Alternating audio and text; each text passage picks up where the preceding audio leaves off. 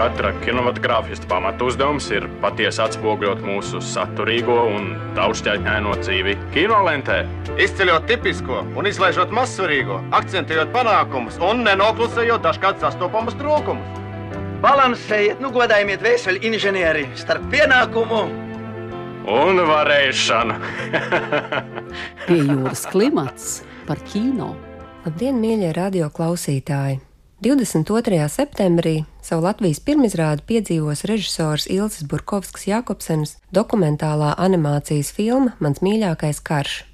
Filma savu uzvaras gājienu pasaulē jau ir sākusi. Tā ir ieguvusi galveno balvu prestižajā Ansī animācijas filmu festivālā, kā arī ir izpelnījusies plašu starptautisku uzmanību. Mans mīļākais karš izaug no idejas par dokumentālo filmu, kas stāstītu par kurzemes katlu un kurzem augstā kara laikā. Taču saskaroties ar arhīvu materiālu trūkumu, režisora Ilza Burkovska Jakobsena nolēma šo stāstu padarīt personiskāku, kā arī izvēlējās animāciju kā mēdīju, caur kur to izstāstīt. Mans mīļākais karš ir pašas Ilzas bērnības atmiņas par uzaugšanu Padomju Savienībā un to, kā viņas ģimene mēģināja izdzīvot padomju režīmā un kādus kompromisus tas prasīja. Pati Ilza filmā ir dedzīga pioniere, kur vienlaikus vēlas piepildīt savu sapni un kļūt par žurnālisti. Dokumentāli kadri vijas ar atmiņu un iztēles ainām, ļaujot skatītājiem piedzīvot plašu un sarežģītu vēstures posmu caur bērnu acīm. Paralēli arī dzirdam citu dokumentālu stāstu no okupācijas muzeja arhīviem, kur vēstīja par pieredzēm no otrā pasaules kara laika.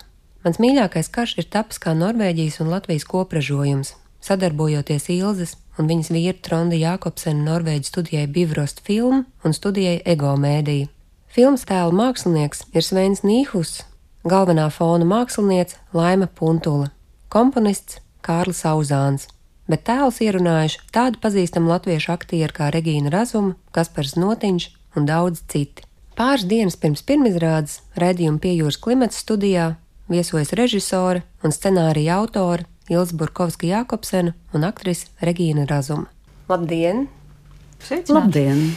Mans mīļākais karš jau ir piedzīvojis savu starptautisko pirmizrādi, bet kādas ir jums sajūtas pirms pašmāju pirmizrādes, vai šķiet, ka vietējais skatītājs redzēs ko citu nekā citu valstu skatītāji? Es varu atbildēt tikai par sevi, jo Regīna filmu nav vēl redzējusi. Regīnai tas būs piedzīvojums. Jā. Otradien, 22. septembrī. Es ļoti gaidu, kādas būs aktieru reakcijas. Bet kāds būs pašmāju skatītāja reakcijas, es domāju, ka droši vien atšķirīgas no ārzemju skatītāja reakcijas, bet arī tepat uz vietas un jebkur man ir pilnīgi skaidrs, ka katram cilvēkam ir kaut kas cits, kas viņu uzrunā, vai kas viņam iekrīt prātā, vai kas viņu pat aizkustina. Katram tā ir pilnīgi cita detaļa filmā. Un, uh, Regīna, kā jūs neesat redzējis pēc darba procesa, kāds ir radies priekšstats par filmu? Man ir ļoti liela intriga, jo tur ir sakompilēta visāda veida kino, un mana lomiņa nebija liela, bet iespaidīga priekš manis. Man, protams, liels gods, ka es šeit esmu tādā svarīgā pirms pirmizrādes dienā un intervijā, jo neesmu tur lielā lomā. Šis ir tāds ļoti personisks stāsts, un daudz kas ir balstīts atmiņās. Cik uzticama ir atmiņa un kā to savienot ar dokumentalitāti? Vai Ilze, tu vēl pārbaudīji savas atmiņas ar izpētes palīdzību? Es pārbaudīju tos faktus, kas attiecas uz mūsu kopīgo atmiņu. Es pārbaudīju tādas konkrētas lietas par pionieru organizāciju, kas būtu svarīgi nesajaukt pa gadiem vai pašus notikumus. Otra lieta ir tā vizuālā atmiņa, kas ir filmai un it īpaši animācijas filmai ļoti svarīgi zīmējot pareizās detaļas. Jo tur ir jānoskaidro, kurā gadā tas traktors, kurš modelis, lai mēs neuzzīmējam traktoru modeli par jaunu vai par vecu, un tas uz dažādām lietām attiecās. Bet manas personīgās atmiņas ir ļoti interesanti, ka es ļoti dzīvi to visu nesu sevī līdzi, līdz filmas pabeigšanai. Un tagad es jūtu, ka es esmu laimīgi atvadījusies no tām detaļām savā smadzenēs, un ka man ir vieglāk dzīvot tālāk.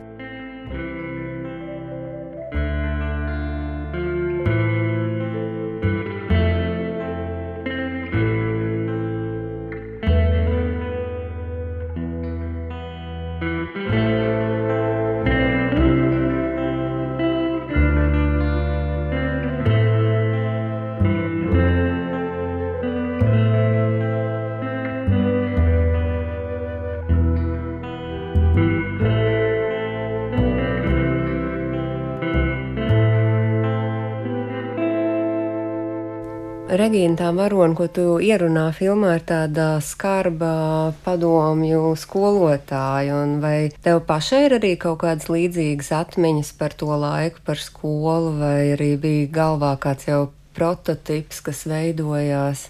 Jā, redzot materiālu, redzot šo varonu uz ekrāna, kur man vajadzēja ieskaņot, man momentā parādījās prototyps no manas bērnības. Pilnīgi nu, tik vizuāli spilgti. Es, protams, biju aizmirsusi viņu dzīves laikā, bet uh, jā, tā bija tik spilgta un tik precīza ar visām detaļām uzzīmēta un dzīvoja tajā animācijas dzīvē. Man bija kaut kāds liels gandarījums, prieks un azarts viņu tieši tā arī ieskaņot ar tādu pilnasinīgu pārliecību, ar visu viņas tādu nejaukumu un savu tādu paštaisnumu. Man tas deva lielu gandarījumu. Kaut kādā ziņā, tā kā arī Ilis saka, jā, to varēja tā no sevis aizlaist nebūtībā.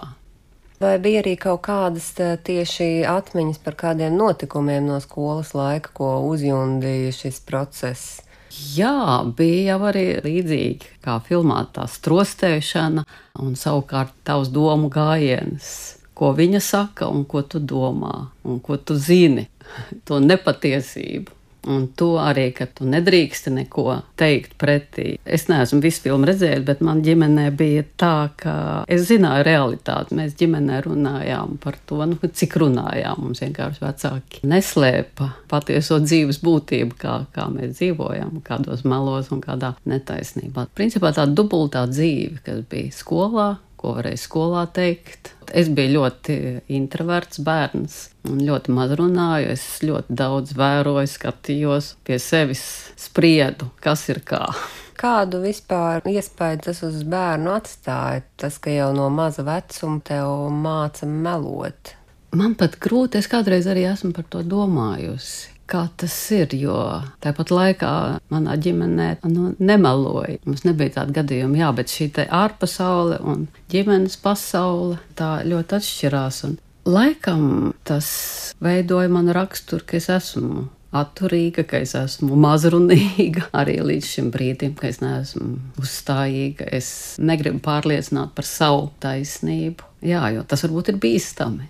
Es gribu piebilst par to, ka tas ir ļoti interesants process. Skolotājs skolā tu nedrīkst melot. Tev ideoloģija un pionieru vadītāji un direktori un to citu cilvēku personā tas tās to pašu, tu nedrīkst melot. Un no otras puses, tas mazais, 8, 9 gadus vecais cilvēks saproti, ka tā ir tā viņu reliģija, kurā tev saka, tu nedrīkst melot, tev ir jābūt patiesam. Un tu tanī pat laikā redzi, ka viss ir kaut kāds nedabīgs. Un tāpēc tas padomju cilvēks veidojas tik ļoti sarežģīts pa tiem daudziem slāņiem.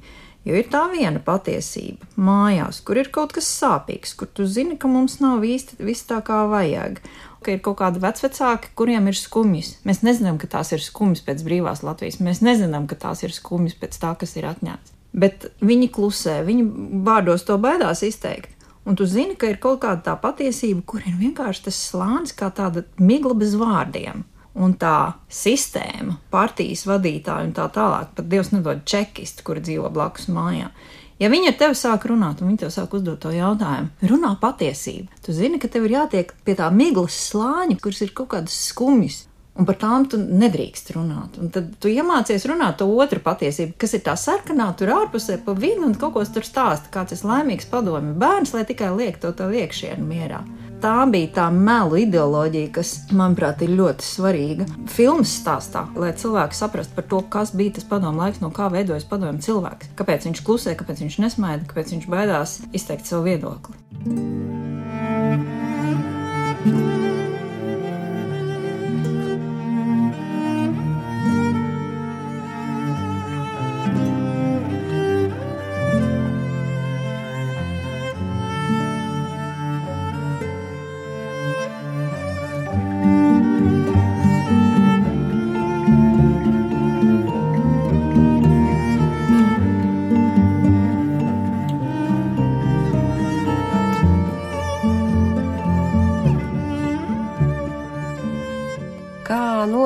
Aktieru režisēšana animācijas filmas ieskaņošanas procesā? Kāda bija jūsu sadarbība?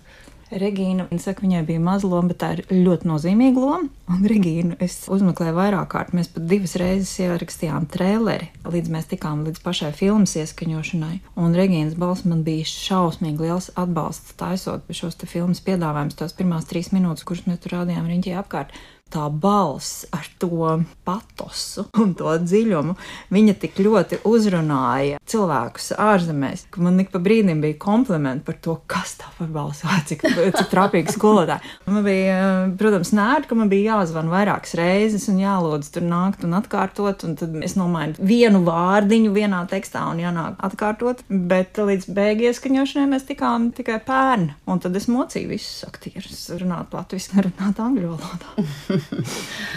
ļoti liels prieks, ka mana balss tā iedarbojās. Jā, man bija ļoti interesanti. Es neesmu daudz ieskaņojusi, varēju sakot, pavisam maz ieskaņojusi animācijas, un man ļoti patīk. Jā, es kaut kā biju pārliecināta, ka mana balss tur piestāv, tāpēc, ka manai balsī tas metāliskais asums, kas ir vajadzīgs tādām būtnēm. Un vēl man ļoti patīk ieskaņot, tāpēc, ka tu vari ar savu ķermeni izdarīt visādas nepiemērotas, neadekvātas kustības tajā mazajā būcenītī, kur tu esi, un caur to tā balss kļūst daudz spilgtāka un precīzāka. Jo, piemēram, filmējoties, vienmēr jādomā par kaut kādām citām fiziskām lietām, kur tu nevari kā to balsi tiešām paņemt no pašas apakšas ar visām kustībām, ar visu sajūtu tieši šī klases audzinātāja ir zīmēta ļoti konkrēti. Nu, mans klases audzinātājs nezinu, vai man būtu bijis tik viegli strādāt ar šo tēlu, ja zinātu, ka viņa joprojām ir dzīva. Bet eh, tā kā viņa ir aizsaulē, tad man ir arī vieglāk ar šo tēlu strādāt. Bet tas jocīgais ir tas, ka visi animatori, tad, kad mēs sākām zīmēt, viņi teica, ka tā ir strādājusi arī viņu skolā. Tieši šī te pati skolotāja, tieši šīs te pats tipāžs. Visiem viņa ir bijusi. tā kā tā ir tā pati frizūra un viņa zināja viņai uzvārdus. Ir tādi cilvēki, kuri, manuprāt, caur savām profesijām dažkārt arī vienkārši ir jebkurā vietā atrodami, ka ir kaut kāds tāds šablons, un tu pēkšņi saproti, ir cilvēks, kurš tajā šablonā ieiet iekšā un viņš strādā. Filmas tapšanā bija iesaistīti gan norvēģi, gan latviešu animatori. Vai tas deva iespēju, piemēram, radīt eh, lielāku gan vides, gan stāstu vispārinājumu? Animatori visi bija latvieši. Visa animācija un visa kustināšana ir notikusi šeit Rīgā, Tritona studijā. Animatori tie ir mūsu cilvēki. Galvenais koncepta mākslinieks mm -hmm. ir Svens Nīhus. Tas ir Norvēģis. Mm -hmm. Un tas ir ļoti interesanti. Protams, ka viņam nav tās padomu laika atmiņas, un te ir tā atbilde uz tavu jautājumu par to, jā, viņš vispār ir citādāk, kā tādu kopējo atmiņu. No cilvēces. Jo, protams, ka viņam nav pieredzes par dzīvi komunistiskā valstī. Vispirms viņš atteicās strādāt ar šo filmu, jo viņš teica, ka tas ir pārāk svarīgs stāsts, lai viņš tāds nenopietns bērnu grāmatu ilustrators ķertos pie šī stāsta. Un liels paldies viņa sievai, rakstniecei, kura teica, nē, nē, tas ir stāsts par meiteni, un kāpēc tu to varēsi izdarīt? Un tad viņš piekrita. Un man bija ļoti svarīgi, ka tas ir mākslinieks, kurš apvieno bērnišķīgo ar mazliet biedējošo savā zīmējumā. Viņam ir ļoti saudabīgas cilvēku acis.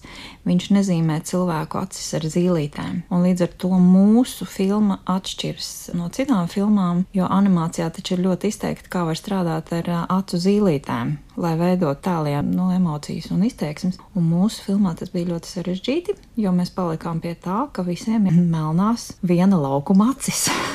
Un, un tas ir tas norvēģu pienesums šai filmai. Jā, un tas man ļoti fascinēja. Es tikai tagad sapratu, kas tās ir tās melnās acis. Tā ir tā īpatnība, nu, tik cik es redzēju. Jā. Tajā ir tas draudīgums kaut kāds. Filmā ir arī vairākas tādas fantāzijas ainas, kuras attēlo to, kā pasaule iztēlojas bērns un kā tapa tās, vai tu viņas jau bijis skrupulozi aprakstījis scenārijā, vai tās tapa kopā ar animatoriem un šo konceptu mākslinieku. Pirmā tā fantāzijas aina, kura man bija jau no scenārija laikiem un visu laiku galvā gatava, tas ir par to, cik bezpalīdzīgi jutās mana mamma savā darbā. Tā ir tāda vētra jūrā. Ir tāds jēdziens, cilvēks saka, slīkst papīros. Rakstot scenāriju, tā ir viena no ainām, kur man ir visu laiku gājis līdzi. Tas bija tiešām izplānots, kā es to redzēju, kā mamma slīkst papīros. Kā viņi tiek mētāti bezpalīdzīgi tajos birokrātijas viļņos un tādā vētrā, kā nokļūst visi tā ģimene un ka mums nav pie kā pieķerties, jo viss ir tik nedroši un nesaprotams, un mamma tikai nāk mājās ar visiem tiem saviem papīriem. Un, Tad viņiem jābrauc uz Maskavu un no tie papīri un tādā garā. Un tad ir citas vīziju ainas, tās tappa mazliet vairāk jau animācijas procesā. Un tad pēdējā no vīziju ainām par to, cik bezgalīgi ir padomju savienība Tur ar tādām blokmājām un sarkanajiem karogiem tā nospiedošā sajūta. To mēs radījām kopā ar animatoriem diezgan uz filmas beigām, jo man šķita, ka tādu ainu vajag, bet vienkārši bija vēl tā sajūta, vai mēs paspēsim scenārijā vai jau pusgatavā filmā viņu vēl ielikt iekšā. Un paspējām. Kā jums šķiet, kāpēc šī padomju laiku vēsture ir tēma, kur tik ļoti īstenībā interesē ārvalstu skatītājs, kuriem lielākajai daļai nav bijis tiešas pieredzes ar to, nav bijis šī sakara? Kā jums šķiet, vai kaut ko no Latvijas vēstures pieredzes var citu valstu pārstāvji mācīties? Viens ir tas, ka Eiropas vēsturē jēdziens augstais karš, viņš jau ir tāda hrestomātiska lieta, par kuru jauniešiem arī Eiropas skolās ir jāmācās. Un līdz ar to tā jaunā paudze, kur tagad es esmu satikusi pavisam nedaudz, tur vai festivālā vai Norvēģijā, Viņus tas interesē, tāpēc, ka viņiem tas ir skolas materiāls, un līdz ar to viņiem tas atdzīvina veselu laika periodu, par kuru viņi nesaprot, kā tas ir bijis un kā tajā iedzīvoties. Un viens ir lasīt skolu grāmatas, un otrs ir redzēt tādus personīgus stāstus, kur viņi var identificēties ar to, ka mēs jau arī uzreiz nepiedzimām par veciem nogurušiem cilvēkiem. mēs kaut kā mācījāmies skolās un cīnījāmies šajā sarkano karogu ielās par to, ka mēs gribam vismaz kādreiz pasmaidīt kā bērni arī tajā padomu laikā. Un tas, manuprāt, ir tas, ko tie ārzemju cilvēki redz šajā filmā. Bet otrs ir tas, ka es nemitīgi atkārtoju, ka tā ir filma par izvēlēm dzīvē, ka jums ir jāsaprot, kāda laime ir dzīvot valstī, kur jums ir iespēja izvēlēties. Ne tikai to, ko jūs pērkat, bet arī to, ko jūs runājat un domājat, vai grāmatu lasat, vai uz kuru filmu jūs varat iet. Regīna? Nu, man liekas, tādā ekstrēmākā situācijā, nevis tādā vienkāršā, mierīgā dzīvē, arī cilvēka raksturi parādās spilgtāk un šie pārdzīvojumi. Un šī pasaules atklāsme. Es nedomāju, ka tas var kaut ko mācīt, bet es domāju, ka tīri emocionāli kaut kāds līdzpārdzīvojums, kaut kādas varbūt pavisam citu apstākļu izveidotas situācijas, var šist līdzīgas, var radīt tādu empātiju pret šo varoni vai kā izpratni par savu būtību jauniešiem. Jo tāda nu, citu pieredze visbiežāk uh, ietarbojās kā tāda arī atklāsme par sevi. Tā analīze, kā es rīkotos tajā gadījumā, kāda būtu mana reakcija uz to, ja tas ir tāds patiesi stāsta, man liekas, ka tas ļoti veicina šāda veida pārdzīvojumu un izpratni.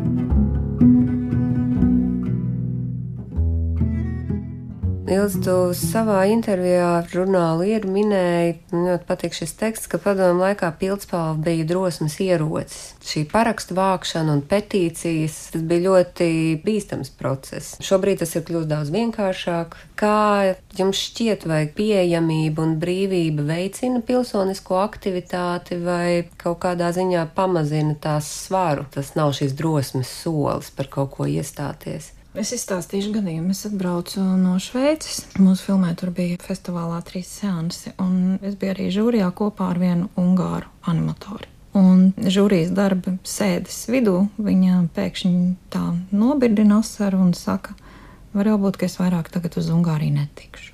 Jo viņi parakstīja petīciju pret viņu kultūras ministriju. Tur situācija ir ļoti saspringta jau daudzus gadus Ungārijā. Mēs zinām, ka tur to brīvā gaisa krānu griež pamazām un pamazām un samazina. Un viņiem arī tagad tur ir kārtējā jaunā direktīva par kultūras nozares ierobežošanu. Un viņi bija ceļā tieši uz savu doktorantūru Portugālē. Viņi bija izbraukusi no valsts, bet tāpat laikā parakstot šo petīciju, viņi saprata, ka viņi noteikti tagad ir kaut kādā melnajā sarakstā. Un tur redz to cilvēcīgo emociju tajā brīdī, kad cilvēks ir parakstījis kaut ko tādu, kas tev var izšķirt tavu likteni. Manuprāt, ir tā, ka tā pieejamība protestiem un priekšlikumiem ir ļoti laba lieta, bet tas ir ļoti atkarīgs no iniciatoru un atbalstītāju deksmes. Jo tā pati Ungāra meitene, viņa man teica, ka tīņa gados viņa ļoti bieži domāja, nu, ko politika tas ir priekš garlaicīgiem cilvēkiem un kāda tur jēga un vispār nav jēgas balsot. Un viņa saka, bet ir tas atklāsmes mirklis, kad tu saproti, ja es nepiedalīšos, ja es nebalsošu, tad tā politika būs garlaicīga. Bet ja es ar savu attieksmi kaut ko gribu parādīt, tad tu vari tās lietas mainīt. Un, manuprāt, tagad tā plašā kampaņu pieejamība ir nozīmīga cilvēkiem ar to, ja tu pazīsti kādu savu draugu, vai kaimiņu, vai kolēģi, kurš ir iededzies un spēj tevi uzrunāt, lai tu atrastu to savu virzienu, par ko tu gribi cīnīties. Bet tas ir par tādiem, varbūt, teiksim, otrā līmeņa sasāpējušiem jautājumiem. Man liekas, ka tikko mēs esam kaut kādā lielākā līmenī, tad jau cilvēki tiešām par to vairāk runā, un tad arī tā visa pulcēšanās un cīnīšanās ir uzreiz iespaidīgāka. Kas vispār, jūsuprāt, mūsdienās ir drosme, kas jūs abas personīgi iedvesmo būt drosmīgām?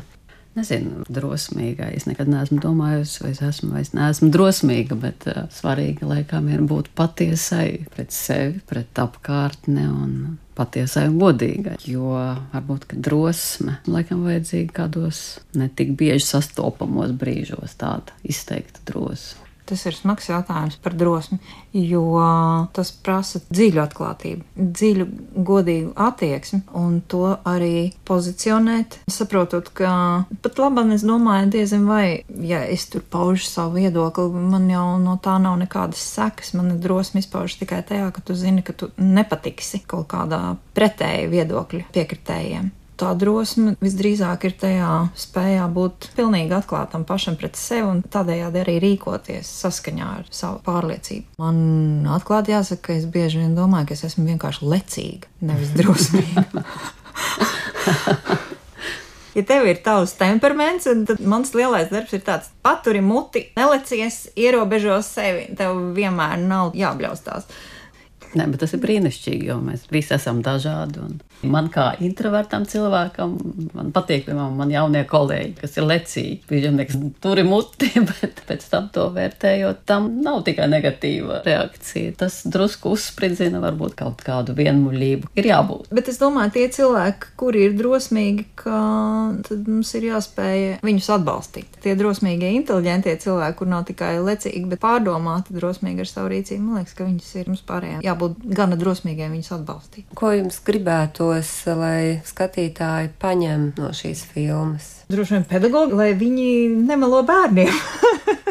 jo tās Regīnas ainas no filmas es ļoti konkrēti atceros šo muļķīgo stāstu par to milzīgo sviesta noliktavu, jo bija tāda sviesta krīze, un viņi mums stāstīja šo pasaku par to, ka ir kaut kur milzīga sviesta noliktava, jūs tikai nebaidieties, mēs sviestu taupam kara gadījumam. Tas ir tas, ko Regīna zina, un tad ir vēl no filmas otra epizode par kurzemes katli, ja, kur viņai bija jāstāsta, cik varonīgā vietā mēs dzīvojam. Tā kā droši vien ļoti grūti atbildēt. Vienīgais, ko var novēlēt, lai bērni iemācās atsijāt no palavām. Būtu jāmāca visiem cilvēkiem kopš bērnības nepieņemt visu kā patiesību. Kaut gan tas ir kā grūti laikam. Savā ziņā šobrīd ir mazliet līdzīga situācija, ņemot vērā plašo melu ziņu pieejamību, kas ir jūsu filtrs, lai atsijātu šīs nepatiesības un patiesības. Jā, es uzticos lielajiem medijiem, gan latviešu, gan norvēģu, gan uh, starptautiskajiem. Ja valsts ziņu aģentūra, ja tur iet līdzi, ja, tad tu tomēr uzticies tam redaktoru darbam, kurš ir tur ieguldīts atsijājot ziņas. Ko citi cilvēki dalās, tur jau uzreiz es uh, diezgan skeptiski skatos, vai tas cilvēks ir paspējis paskatīties, kas ir tas avots ziņām. Es laikam diezgan maz tajos sabiedriskajos medijos iedziļinos Man tas šķiet lieki. Es arī ņemu informāciju. Un, laikam kaut kāda dzīves pieredze, sajūta ir radusies. Es no tās izējot spriežu par to, kas notiek un kā notiek. Un varētu pat teikt, ka spriežu, protams, dažkārt pieviļos, bet Man bija ļoti interesants piedzīvojums ar to, tad, kad filmu piedzīvoja pirmizrādā Ansī, kad atnāca ziņa no Norvēģijas kinocentra, ka ar viņiem ir kontaktējusies Amerikas balss no Vašingtonas. Viņi gribot redzēt šo filmu. Un tad es atceros bērnībā, mums, protams, ir epizode filmē, vecais teica, klausās Amerikas balss no Vašingtonas. Es atceros tās dienas, kad vecā mamma skrien uz paņem no staļa, lai paspētu klausīties Amerikas balss no Vašingtonas. Man jāstāv pie loga skatīties, lai tikai svešie nevarot iekšā, jo tad jau mēs slēdzam ārā, jo tas radio jau, man liekas, skan milzīgā diapazonā. Un tad pie visa tā pašās beigās mana vecā mamma saka arī to, ka ir jāklausās Amerikas balss. Un tad ir jāskatās televīzijas globus, jo tur runā Mavriks Wolfsons un Ledniņš un tādi tie komentētāji. Un tad jāsalīdzina, ko saka viena, ko saka otri. Un tas, kas ir abiem vienāds, tā ir patiesība. Jo ticēt nevar nevienam. Paldies!